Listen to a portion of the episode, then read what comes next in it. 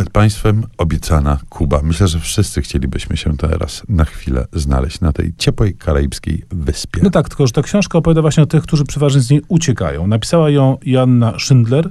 Rzecz nazywa się Kuba, Miami, ucieczki i powroty. Jest to bardzo dobry reportaż, który rzeczywiście skupia się na ludziach emigrujących, uciekających z Kuby i trafiających najczęściej do Miami, gdzie największa diaspora kubańska, jak wiemy, żyje.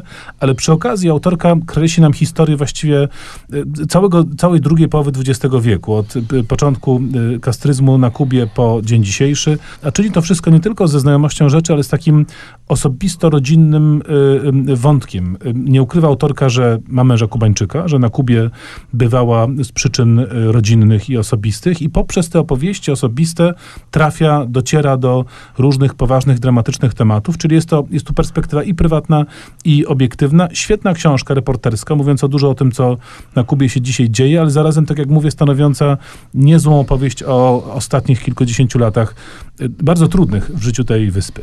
I takie książki lubimy. Takie książki, gdzie prywatne miesza się z historycznym, publicznym i uniwersalnym. I taką książką jest książka Góry Stan Umysłu Roberta McFarlane'a.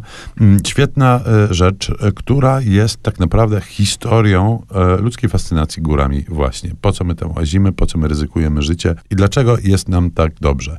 Robert McFarlane to kilka osób w jednej. On jest wspinaczem i rzeczywiście wspina się po górach i ma doświadczeń górskich zapasem całą masę, ale to też wybitny er erudyta i świetny historyk literatury. Dlatego też na kartach tej książki pojawia się i Shelley, i Byron, i Goethe, i cała masa najróżniejszych. I oni wszyscy łazili po górach. Oni, tak. Ale przeżyli przeżyli. Cała masa gryzipiórków, która się właśnie górami zachwycała w ten czy inny sposób i z różną intensywnością.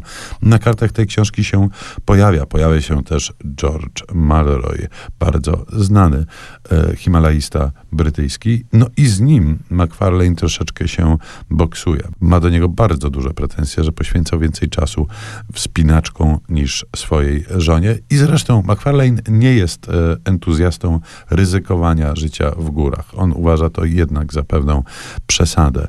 Góry powinny służyć w jego przekonaniu czemuś zupełnie innemu i ryzykowne wspinanie, ekstremalne sporty uprawiane tamże są obiektem jego chyba jednak szyderstwa. Inny rodzaj ekstremalnych sportów uprawia Wit Szostak. Otóż jest to autor znany, wydał wiele książek i w wielu z nich pojawia się rzeczywiście ekstremalne zmaganie się z mitami polskimi. Wznowiony właśnie Dumanowski, bo to powieść, która wyszła po raz pierwszy przed y, ładnych paru laty, jest takim właśnie przykładem opowieści, która która nie to, że rekonstruuje jakoś tam obala istniejące mity, tylko właściwie tworzy mit nowy, tego tytułowego bohatera Dumanowskiego, który jest takim, takim uosobieniem okresu zaborów, y, polskości w specyficzny sposób podanej. No tak, to mit nowy, ale stworzony na dobrze znanej bazie, na bazie Mickiewiczowsko-Słowackiej na przykład. No tak, bo Mickiewicz i Słowacki się tam pojawiają, ich losy toczą się zupełnie inaczej. Kraków robi z nimi różne dziwne rzeczy nieliterackie, nie pozwala im pisać, bo to wszystko w Krakowie w okolicach się dzieje.